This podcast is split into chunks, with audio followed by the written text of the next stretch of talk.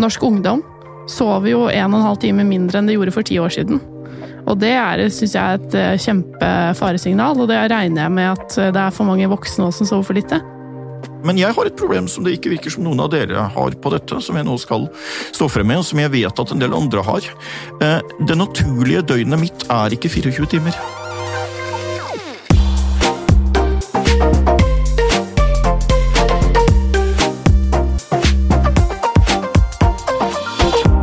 Skal vi lykkes i morgen, må vi ta gode beslutninger i dag. og Derfor har vi invitert noen av landets mest toneangivende mennesker for å snakke om temaer vi vet vil forme livene våre fremover. Dette er I morgen, en podkast fra oss i McKinsey i Norge. Jeg heter Kristoffer Toner, og i dag Søvn er den nye snakkisen, det nye statussymbolet i samfunnet. De som sover nok, har fått til noe i livet. Men likevel går ryktene om supermennesker som ikke trenger mer enn fire-fem timers søvn hver natt. Så er søvn en hype, eller koster det bedrifter, organisasjoner og samfunnet faktisk ekte penger om folk får sove for lite?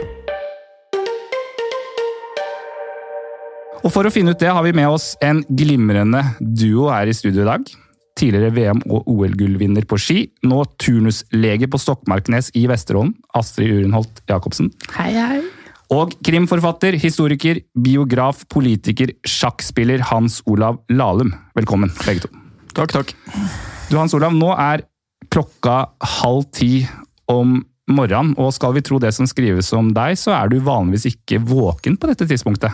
Er du, er du, litt trøtt akkurat nå? Uh, nei, jeg er ikke spesielt trøtt nå, men jeg har en, lagt inn en liten uh, test og sovet litt for lite i natt da, for å se hvordan det funker her. Det var litt for fristende å gjøre det, så uh, jeg har nok sovet litt mindre enn jeg burde. Men jeg føler meg enn så lenge i dette inspirerende selskapet helt med. Så det, så det er et lite eksperiment. Astrid, legeutdannelse samtidig som du var toppidrettsutøver, høres ut som en oppskrift på lite søvn. Hvordan gikk det? Uh, jeg, kanskje jeg klarte det fordi jeg nettopp prioriterte søvn. Det er jo hva skal vi si, fordelen med å drive med idrett. At du, du merker veldig fort uh, at eh, det ikke er så optimalt å hoppe over det. Mm. Så jeg har gått liksom hele for livet, livet for å enten være liksom 100% til stede og fokusert på det jeg gjør, eller så bare koble ut. Mm. Og søvn er jo en slags form for utkobling. Enten eller. Du, det er det vi har lyst til å lære litt av deg i dag. Hvordan du som har gjort disse to veldig krevende tingene samtidig, har fått til det med søvn. Og det er jo ikke tilfeldig at det er dere to som er her i dag heller. Dere er venner, arbeidsjern, men sover altså da på helt ulike tidspunkter, nesten omvendt. Når på døgnet er dere venner da, egentlig? ja, Det blir jo en del timer igjen når jeg våkner begge to, men jeg vet ikke om vi egentlig er så ulike. fordi Jeg oppfatter, altså jeg selv er B-flex. B-flex. Altså, B-flex, ja. Altså mm. kaller jeg det på folkelig sjargong. Jeg er i utgangspunktet B-menneske. Ofte mest kreativ sånn utover kvelden, litt over midnatt. Uh, sen ettermiddag videre fram.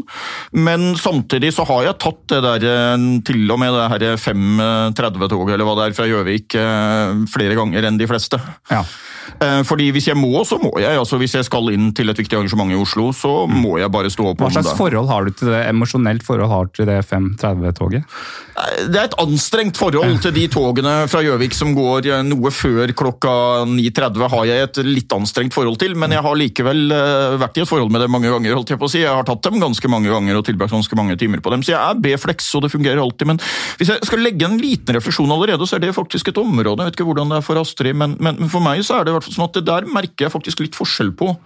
Fordi der har alderen på sett og vis gjort noe. Eh, jeg føler nok at jeg er i god form til å være litt oppe i 40-åra, men, men jeg har blitt litt mer søvnavhengig. Da jeg var i 20-åra, og sånt, så var det ganske greit å, å, gjennomføre, selv om man hadde sovet tre timer, og sånt, og gjennomføre til og med et vanlig program. Men det merker jeg nok nå, at nå er jeg Det, det, det går dårligere utover dagen hvis jeg har sovet for lite. Og Det er akkurat det dagen i dag skal handle om. Men eh, først skal vi bare snakke om litt eh, tall om søvn. Eh, og Kollega Theodor Vendrig, du har satt deg inn i vår forskning om søvn.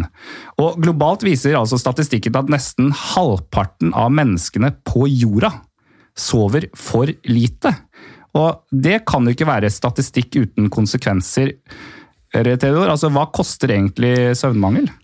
Nei, Det vi ser, er at eh, søvntap årlig koster de fem største OECD-landene 6000 milliarder kroner. Mm. Så Hvis du putter det i norsk kontekst, så er det norske statsbudsjettet 1500 eh, milliarder kroner, så det sier litt om størrelsen. Eh, og Tyskland, som var et av de landene vi studerte mer i detalj, da var eh, søvnmangelen Kostnadene beløp seg til 500 milliarder kroner, og hvis du hadde overført det til norsk betydning, eller norsk målestokk, så vil det si at det koster oss rundt 30 milliarder kroner i året. Hvorfor koster det penger, da? Nei, Det er to grunner. For det første så har man sett at de som sover lite, de er mer borte fra jobben. Så I Tyskland så taper de rundt 1,7 millioner eh, arbeidstimer på det. Og det andre er jo at Selv om du kommer på jobben, så er du mindre produktiv og effektiv. Og det går ut over kvaliteten på det arbeidet som gjøres. Så fravær av søvn koster altså. La oss prate litt mer om det. Astrid, hvorfor er søvn så viktig for deg? Um, jeg har faktisk hatt en periode i livet hvor jeg sov ekstremt lite. Mm. Um, over tid. Når man uh, driver i toppidrett, så er man jo sånn nerd og fører liksom, hva man trener og hvordan det går. Treningsdagboka. Ja, ja. Mm. Men i den samme treningsdagboka så kan du også uh, føre hvor mange timer du sover. Og det har jeg alltid gjort. Og fordelen med det er at man uh, har jo på en måte i hvert fall i perioder litt dårlig selvinnsikt. Mens da hadde jeg på en måte data. Jeg gikk etter hvert på en skikkelig kanonsmell. Mm. Eh, og kunne gå da tilbake og se at jeg hadde hatt en tre-fire måneder egentlig med altfor lite søvn. Eh, hvor jeg egentlig opplevde underveis at det gikk helt greit. Eh, men på en måte Hvis du tenker, Jeg brukte over seks måneder på å komme meg, sånn at totalregnskapet er jo helt forferdelig dårlig. Mm. Jeg har et sitat fra VG her, tror jeg. Etter liksom at jeg googlet litt om deg og søvn, så, så, sa du en dag gikk jeg ned trappen hjemme, øh, og da orket jeg ikke gå ut, ut av døren. Jeg var altfor trøtt, så da gikk jeg opp igjen og la meg i treningstøyet og sovnet. Ja, det er jo da på en måte en god øvelse, tenker jeg. Mm. Eh, det er jo da en god fase hvor jeg på en måte har vært i eh, Altså hatt på en måte litt selvinnsikt på at eh, nå er kroppen egentlig ikke klar for å Altså, poenget med å trene er jo på en måte å bli bedre. Mm. Og det ved å kjenne at ved å gjøre det nå, så blir jeg på en måte bare snarere dårligere enn bedre. Eh, og da kunne ha evnen til å på en måte snu, bryte planene eller bryte mønsteret sitt, og bare se at nå må jeg gjøre noe med det som er problemet her og nå, ikke strekke det ut og eh, på en måte tenke det er veldig dumt å tenke at man eh, er noe annerledes menneske enn alle andre. Det er på en måte Anatomien og fysiologien vår er jo veldig lik som den var for 1000 og 2000 ja. og mange herrens tusen år tilbake. sånn at det å tro at man nå skal kunne klare seg på fire timers søvn, det er jo kjemperart. Ja. Det er jo ingen eh, logikk i det. Så unike er det ingen av oss som er. Hans Olav, eh, hva er ditt forhold til søvn? Er du en sånn fire timers person? Nei, det er en del folk som tror det, og spør ja. meg om hvor lite jeg sover og sånt, men jeg sover ikke lite i det hele tatt. Jeg sover mellom sju og åtte timer i gjennomsnitt, men jeg har litt mer refleksitid enn de fleste har. Eh, på den, nå arrangerte jeg nettopp en internasjonal sjakkturnering på Fagernes, og da går det veldig intenst en uke. Og det er typisk at Da går jeg ned på seks timer, eh, eller noe sånt i snitt, og så må jeg ta igjen når uka er over. Eh, men det er fortsatt altså seks timer for noen dager, håper jeg eh, medisineren her også vil si at det er innafor det akseptable. Men, men, jeg merker det likevel. altså Jeg får en reaksjon etterpå. Og faktisk Det mest markante eksempelet jeg har, var da jeg satte denne verdensrekorden i lengste TV-intervju. Jeg satt jo 30 timer og ble intervjua, som jo var et litt interessant eksperiment i så måte, hvor jeg fikk testet meg litt på dette. Og Det jeg trodde skulle skje, var at for sånn type etter 20-22 timer så kommer en sånn skikkelig trøtthetsterskel, og da sliter du med å holde deg våken. Og så Hvis jeg kommer meg over den, så går det bedre noen timer og så kommer det en tyngre tretthetsterskel og sånt. Men det kom aldri noe tretthetsterskel, jeg bare satt der. Ja. Til det var gått 30 timer. Intervjueren holdt på å sovne, det kan jeg jo sikkert forstå ut fra svarene mine etter hvert, men, men, men, eh, men, eh, det gikk helt fint. Og så når jeg var ute, så leste jeg noe blant annet en som var ekspert på dette, som sa at den veldig typiske er at da, etter en sånn prestasjon, så er du en time eller to er du, er du fortsatt våken, og så slokner du totalt og sover kjempelenge, eller et eller annet i den stilen. Og det stemte heller ikke i det hele tatt, for jeg var våken 28 timer etter det 30 timers intervjuet før jeg sovna. Og så tenkte jeg at nå kommer jeg til å slokne helt og sove 14 timer, eller et eller annet sånt, men det skjedde heller ikke. Det som skjedde, var at jeg sov for så vidt ganske normalt natta etterpå. Jeg tror det var snakk om sånn ni timer eller et eller annet sånt, altså litt lenger enn vanlig. Men jeg brukte en uke før jeg var helt tilbake igjen. Ja, Så du følte deg opp, Jeg var trøttere om morgenen, jeg var trøttere om kvelden, og jeg gikk opp til sånn ni timer i snitt de neste fem-seks nettene. Det var jo på ni timer eller rundt der, for liksom å ta igjen dette. Og så er jeg jo enig i alt eh, Astrid sier, nær sagt som vanlig, men jeg har jo likevel lyst til å si at det er jo fascinerende at det er en del individuelle forskjeller på det. da, For jeg kjenner jo mennesker som klarer seg med fem timer eh. Det er fryktelig urettferdig. Altså Det er mye annet man liksom kan akseptere, men at noen kan klare seg med tre timer mindre søvn enn meg og fungere like godt, det syns jeg rett og slett er blodig urettferdig fra naturens side. Og så kan jeg jo nevne da, som litt sånn fun fact fra den andre sida, Calvin Coolidge, som var president i USA på 1920-tallet. Han hadde altså elleve timer per døgn i naturlig søvnbehov. Ja. Og han er berømt for at det første han gjorde etter å ha blitt president, var at han gikk og la seg igjen. Er ikke det litt ikke det, litt det man sier om eh, den forhenværende presidenten? Ja, jo, jo, men, men, men det er tross alt, tross alt innafor den eh, Jeg jeg er helt enig altså det der med fire timer og selv fem timer. Det er jeg litt skeptisk når folk sier at de klarer seg med det, men, men tross alt så er det en variasjon innafor der, både med når man ideelt sett sover og hvor mange timer man trenger. Hvor mye trenger du, Astrid, sånn, bare for å ha den, eh, det fundamentet på plass? Eh, Jeg, jeg tipper det er samme, syv-åtte timer, egentlig. Men litt avhengig av tid på året og um ja, hvor mye aktivitet jeg er i, Ja. egentlig. Og nå er du jo turnuslege, eh, og jeg regner med at som lege så må man på en måte være til stede og våken. Hva skjer med deg hvis du får for lite søvn? Eh, Jeg er jo på en måte et, et typisk A-menneske, eh, og jeg har også veldig sånn sterk indre sånn søvnrytme. Eh, Så for meg er det Hvis jeg på en måte for eksempel skal jobbe natt, og er våken hele natta, så ville man jo også trodd at da er det jo bare å legge seg og sove etterpå på Ja. dagen. Det har jeg problemer med. Ja, For Så- nattevaktene kommer jo nå som en del av jobben, rett og slett. Ja da, så, eh, og det går forholdsvis greit, men jeg bruker tid på å hente meg inn etterpå, fordi jeg er ikke så god til å gå og legge meg klokka ni om morgenen og så sove til fem på dagen, eller ettermiddagen, og det får jeg ikke til. Mm. Men, men er det det det står på, at du bør bli bedre på det, eller går det rett og slett ikke bare? Man legger seg, og så er man våken? Ja, noen kan jo sove når som helst og hvor som helst, eh, men sånn er jo ikke jeg. Mm. Eh, Og konsekvensen av det er vel egentlig at jeg må på en måte legge inn tid i etterkant til å hente meg inn. Eh, Jeg vet at det å bare da trumfe gjennom en sånn nattevaktuke og egentlig sove for lite fordi jeg ikke får til å sove så bra på dagen, eh, da kan jeg jo liksom ikke planlegge for at når jeg er ferdig med siste nattevakt, at jeg bare skal være full propell og dra på turer og styre og holde på. Da må jeg på en måte legge inn at jeg har en gjeld å betale. Mm. Eh, Og Hans Olav, det, det var en fantastisk historie om dine 30 timer på, på TV og dette eksperimentet, men du sover altså mer enn det folk eh, tror om deg. Men du har likevel en litt annen døgnrytme likevel. Du liker å jobbe om natten. Jeg jeg er tror jeg, naturlig B-menneske. Jeg synes det er veldig usympatisk at A-menneskene kuppa det hele og bestemte når alt skulle gjøres før vi B-mennesker sto opp. For det synes jeg fortsatt vi eh, lider for. Men jeg har lyst til å si at jeg synes det har skjedd en del ting. Samfunnet er også praktisk blitt mer tolerant overfor det. fordi hvis du går en generasjon eller to tilbake, så tror jeg det var veldig mange som var naturlige B-mennesker som slet veldig hardt med det. At Men skoledagen er jo på samme tid ja, og det, og det er tankevekkende, fordi der er det så vidt jeg oppfatta mye forskning som nå viser at nettopp i den alderen type videregående, da, sånn 15, 16, 17, 18, Ja. Så er det veldig mange som er mer B-mennesker enn de er ellers i livet, og at man trolig ville fått bedre prestasjoner hvis man type hadde startet en time seinere eller et eller annet sånt, og heller slutta en time lenger ut på ettermiddagen. Men det er liksom bare blitt at det er sånn, man har vent seg til at det er sånn, og, og, og, og så videre. Så det er et litt sånn tankevekkende eksempel på det, hvor man egentlig fra et sånn, det man nå vet om medisin og sånn, med alle forbehold for at Astrid kan mye mer enn meg om dette, så har jeg vel, det jeg har prøvd å lese meg opp på dette, så har jeg forstått at der er, ville det egentlig være bedre for de fleste å starte senere.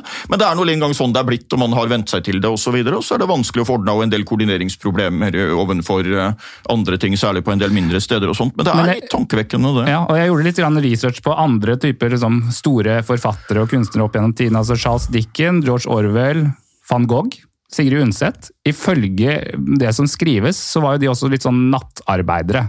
Er det liksom et litt sånn brand som eh, dere forfattere og historikere og kunstnere har? Det er jo en gruppe mennesker som ofte har ganske fleksibel arbeidstid. Ja. Eh, Det viktige er å være kreativ på et eller annet tidspunkt i døgnet, og så har man jo ofte ikke sånn 9-4-jobb hvor man må møte opp der og der. Og Det åpner jo rett og slett for at en del av de som er B-mennesker og er naturlig mest kreative, da kan, eh, kan innrette døgnet etter det og få med de mest kreative periodene sine. Det er jo bra. Jeg er litt spent på hvordan pandemien også vil påvirke dette, faktisk. fordi vi har jo hatt, Nå er det veldig mange som har hatt hjemmekontor, ikke sant? Og da har hatt, eh, med alle forbehold for ulike jobber og ulike avtaler og sånt, så har nok fleksibiliteten vært økende på det der. Og det blir litt interessant å se om det er noen erfaringer derfra man kan ta med seg eh, videre også, tenker jeg. At man kanskje kan få noen positive effekter på det. For jeg, det er veldig interessant med tallene du nevner på dette, og jeg eh, tviler ikke på at det er riktig. Altså er, hvis man klarer å få til bedre ordninger på dette, så er det utvilsomt både sånn at det vil gjøre livet bedre for mange, og at det kan være store innsparinger på samfunnsnivå på det. Ja, for Theodor, eh, eh, du kommer med disse skremmende tallene. Eh, hva er ditt personlige forhold til dette med søvn? Altså, du er jo eh, konsulent i McKinsey, det er en jobb som krever sitt. Eh, når var det du lærte liksom, hvor dine grenser går?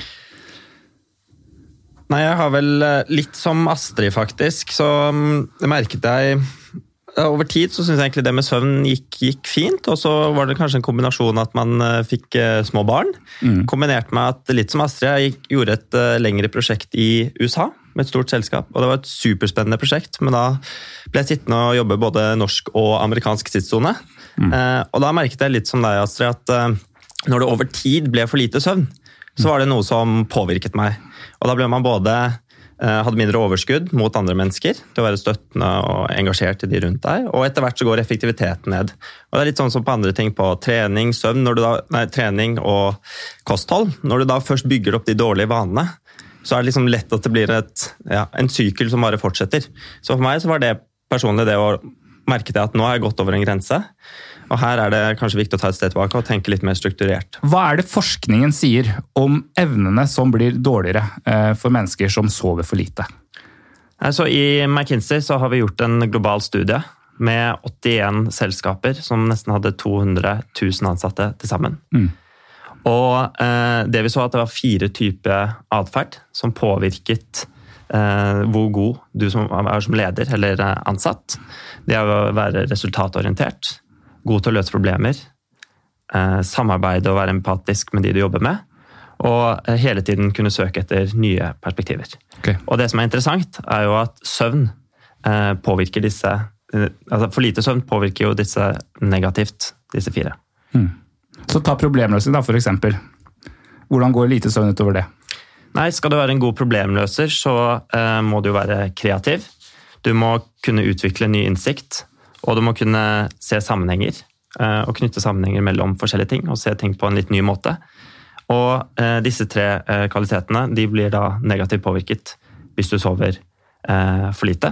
Så da blir du da en dårligere problemløser, rett og slett. Og det er jo dårlig for både selskap og, for deg selv. Men det er, jo, det er jo et slags paradoks at veldig mange, tror jeg, de tenker at de som hva skal vi si, får til mye eller sånn objektiv opp, liksom oppnår mye. Mm. I livet. Ditt, mm. Ja. At uh, de også er de som At det på en måte henger sammen med tidsbruk. Um, og at du blir bedre jo mer du trener. Men det er jo på en måte sånn fra idretten så er jo veldig vant, det er noe som heter overtrening òg. Ja. Du må finne balansen mellom riktig mengde og riktig intensitet i treningen og på andre siden riktig mengde og intensitet i restitusjonen for at du faktisk skal bli god. Ehm, så jeg har jo også møtt mange av de menneskene som sier sånn «Øh, Jøss, hvordan får du til så mange ting? Du må jo holde på liksom hele døgnet. Mm. Uh, og så tenker jeg det burde vært flere som har vært nysgjerrig på uh, hvordan hviler du egentlig? Altså, ja. Fordi jeg tror jo egentlig at ofte de som er, får til mest, det er de som også har best selvinnsikt på eh, hva skal jeg gjøre for å være mest mulig produktiv og liksom på mitt skarpeste når jeg først skal gjøre noe. Ja. Eh, og så samtidig har evnen og hva skal jeg si, samvittighet, da, for det er veldig mange som jeg tror jobber eller studerer og leser og sitter på lesesal av samvittighet. Mm. Eh, men du må på en måte kaste bort den og tenke at liksom jeg tror det har vært min styrke, da. Jeg har ikke sittet mest på lesesal, men jeg har, eh, når jeg har lest, så har jeg lest skikkelig bra. Mm. Eh, og så har jeg skjønt når eh, Jeg har skjønt når punktet kommer at hvis jeg leser mer nå, så leser jeg for å lese, men jeg lærer ingenting. Og da har jeg klappa sammen bøkene og gjort noe annet. Så, så du har rett og slett prioritert hardere? Ja, og da, det krever jo på en måte en slags selvinnsikt òg, da. Ja. Når, når, lærer jeg best? Når produserer jeg best? Når er jeg best med mine medarbeidere. Eh, og når er jeg ikke det? Og hva er det som er, på en måte, hva gjør at jeg ikke er det? Men jeg lurer på, Astrid, altså, Du sier at en av de tingene man må kunne, er å hvile. Mm. Være god på å hvile. Du lærte jo litt etter den perioden eh, hvor du eh, brente lyset litt i begge ender, eh, rett og slett. Hva, hva, hva lærte du da om måten du måtte eh, gjøre eh, hvilen på? Det jeg lærte litt, er at man kan lure seg selv over ganske lang tid. Og tenke at sånn Jeg trenger ikke så mye hvile. Jeg, jeg kan bare trene, jeg kan lese. Jeg kan måte, at man kan på en måte lure seg selv til å tro at man er et sånn supermenneske som er annerledes enn andre. Eh, og så skjønner du at det er jo Jeg er jo som, akkurat som alle andre. Eh, og, og med den på en måte hva skal jeg si, rotfestet i seg selv som et sånn faktum at det andre alternativet går ikke, det finnes ikke. Det er som en illusjon.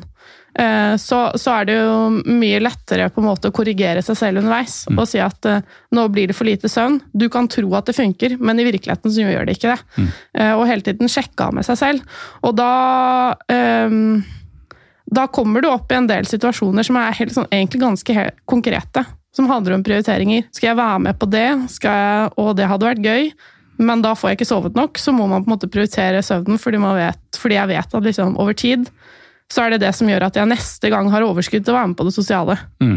Um, men det er jo liksom Der jeg tror mange har problemer. da. De har rett og slett FOMO. Altså. Har, har, har, du, for fo glipp av noe. har du FOMO, Theodor? Er det fear of missing out? Jeg vil nok eh, Ja, til, til en viss grad så har jeg det. Um, tror jeg. Eh, og så er det litt sånn, Man må balansere. Jeg tror jeg er helt enig i det der med kontinuitet og det å kunne ta de prioriteringene. Og så tenker jeg man må, Så lenge man har den kontinuiteten, eh, så må man også på en måte lov å eh, unne seg en fest. Men ja. Så over tid så tror jeg det, men jeg tror den er kontinuitet som du sier, og det å vite hvor grensen går over tid, akkurat som med trening, kosthold, ja, det mye. Jeg har jo da en, fra mitt folkelige perspektiv på dette uten noen vitenskapelig kompetanse, så er vel min erfaring både fra meg selv og venner Jeg har jo i anførtegn hobbyforsket litt på dette i sjakkmiljøet, da, hvor vi jo har en tilsvarende problemstilling med veldig ofte lange konkurransedager og passer på å få nok søvn og det. som Den sammenheng er ganske eh, interessant, og du ser en del utslag på A- og B-mennesker også. Jeg tror Det første Astrid sa i stad der om at det er viktig å liksom lære seg selv å finne ut av det, jeg har nok litt større tro kanskje på dette med at det er tross alt innafor en slags ramme som vi har felles alle sammen, så er det nok, tror jeg, en del variasjoner. Det er ikke gitt at det som er en riktig døgnrytme for de andre i klassen, eller, eller et riktig arbeidsplan for dagen osv., nødvendigvis er det samme for meg. Jeg har jo vært en som ofte har, eh, ikke har passet helt inn med den største kolonnen, eh, sånn sett. En, eh, Lundteigen i Senterpartiet uttalte jo for noen år siden noe à la at Norge skal styres av folk som står tidlig opp om morgenen. og Jeg fristet til å svare at folk får, Norge bør styres av folk som ikke legger seg for tidlig om kvelden. på sett og vis. Altså Det vesentlige tenker jeg, er jo hva du får gjort i løpet av dagen, om du klarer å være produktiv, om du klarer å få utnyttet de ressursene du har. og at Det er mye viktigere enn når på dagen du gjør det. Men så må du jo selvfølgelig se det an praktisk og nær sagt innrette at du har en jobbsituasjon. Men jeg har et problem som det ikke virker som noen av dere har på dette, som jeg nå skal stå frem med, og som jeg vet at en del andre har. Eh, Det naturlige døgnet mitt er ikke 24 timer. Ah, Eh, Og det er det visstnok. Det igjen kan Astrid sikkert mye mer om dette enn meg, men det er en del variasjoner der du har noen som sliter med å fylle opp 24 timer, altså Ja. som liksom blir eh, trøttere før de burde, og så må ha mer søvn og, og, og så videre. Problemet mitt er at hvis jeg går, hvis jeg er i en sånn det vi kan kalle flow-periode, da jeg er inspirert, jeg jobber med noe jeg liker og så videre, så er døgnet mitt rundt 28 timer. Naturlig. Altså, Det blir ikke skikkelig trøtt før etter la oss si 19 timer. Og når det er gått 19 timer, så kan ikke jeg sove 5 timer, og så gå på et nytt 19-timersskift. ikke sant? Så jeg skal innrømme at jeg har nok hatt noen faser hvor det f.eks. har vært en hektisk innspurt med et bokmanus da, og nærmer seg deadline og sånt. Da har jeg noen ganger bevisst gått over i 28-timersdøgn. altså Da vil døgnet mitt forskyve seg fire timer per døgn. Uh, ja, det, altså Jeg forstår at det kan virke rart. du har men... et astronomisk problem, egentlig. Uh, Ja, men altså, Det fungerer jo da i mitt tilfelle. Jeg har testet ut noen ganger i perioder. Jeg gjorde det da jeg var innspurt på hovedfaget, gjorde da jeg var i innspurten på, eh, på ulike bokprosjekter. Og Det blir jo en regularitet. Det er bare en annen regularitet enn den de fleste andre bruker. Altså, Jeg, jeg får nok søvn, og jeg får jobba så lenge jeg orker. Men selvfølgelig, det er jo litt upraktisk å gå med det over tid når resten av, døgn, resten av verden bruker 24 timer. Det hadde jo vært mye lettere, tror jeg mange hadde syntes, hvis man kunne trykke på en knapp eller ta en pille, er det mange som skulle ønske. Ja. Og så var bare liksom alt, alt i orden. Men uh, den balansen mellom liksom kosthold, søvn, hvile uh, og liksom være på, å levere, eller være til stede, være våken, være sammen med andre, den er det jo ekstremt mange mennesker som har problemer med å finne. Eh, og så er det jo så mange positive konsekvenser av å få det til. Før vi gikk inn her, så sa du til meg at nå skal du på mange eh, nattevakter på rad. Så det jeg satt og lurte på, eh, hvordan forbereder du deg på det når du vet at nå går jeg inn i en uke hvor jeg omtrent ikke kommer til å sove? Er det noen ting du gjør på forhånd for å forberede deg mentalt? Eh, Jeg har prøvd å sove mest mulig gjennom helgen. Eh, og så prøver jeg liksom sånn som gjennom den dagen i dag, da, fram til eh, Og egentlig alle dagene mens jeg har nattevakt, så kan jeg jo på en måte, fordi jeg sliter med å sove nok, så er det å hvile er på en måte den nest beste løsningen. Og det å på en måte legge seg ned, eh, prøve å ligge liksom i horisontal stilling og lukke øynene selv om jeg ikke får sove, det er ganske effektivt. Og det gjør at overskuddet holder seg sånn brukbart likevel. Eh, Men det er jo selvfølgelig fristende. ikke sant? Man skulle alltid ha gjort masse. Det er veldig fristende sånn 'Å, jeg får ikke sove', Nei, men da kan jeg vaske huset, eller da kan jeg lese noe, eller da kan jeg eh, Ja, hva man enn skal finne på. Alt, folk har jo alltid masse å gjøre, og sånn er det med meg òg. Men da bare Den investeringen må jeg gjøre.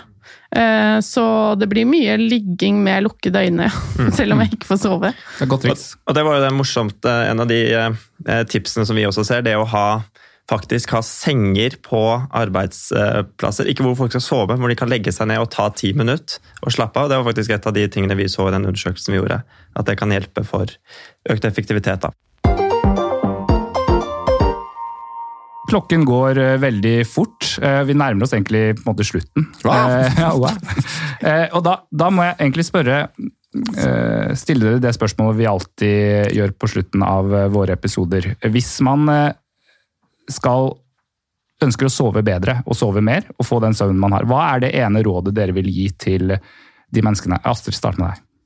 det på en måte ligger til sakens natur at vi er litt forskjellige. Så jeg tror man eh, Mitt beste råd er jo egentlig å faktisk gjøre en reell innsats på å forske på hva gjør at jeg sover nok og godt nok.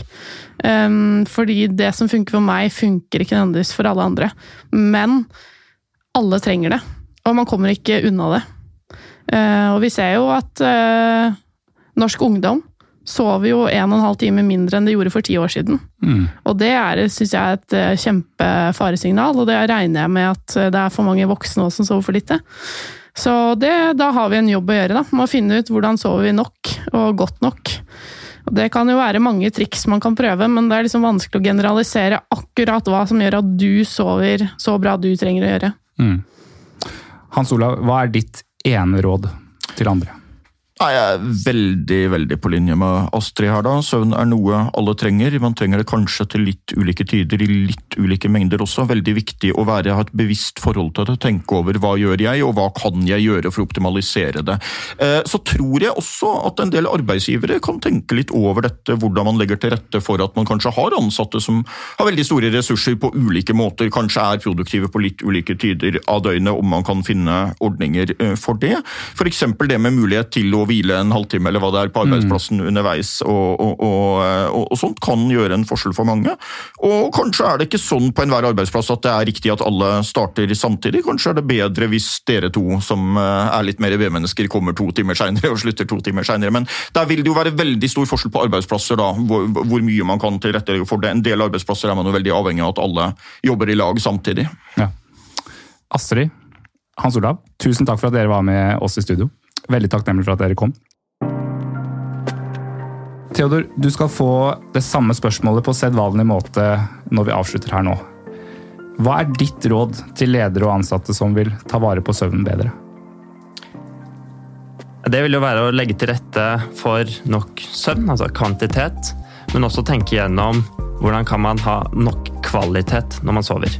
Så som arbeidstaker så vil det være å prøve å gjøre en innsats for å finne ut hvordan sover jeg best, om det er å legge mobilen fra seg før man går inn på soverommet, ikke lese eh, jobbmail eh, før man går inn der, eller skrive ned to do's på rosa stickers. Eh, hvis du er arbeidsgiver, hvordan kan du legge til rette for at de ansatte får en stressfri eh, hverdag og har egentlig da nok overskudd til å få sove nok. Ja, Høres bra ut. Må stikkerne være rosa, eller? Ja, det lærte jeg av Olav Tufte, at det hjelper veldig bra med rosa stikkere og skrive ned problemer. Da får man sove bedre.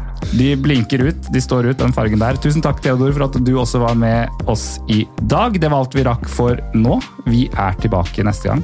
Ha det bra.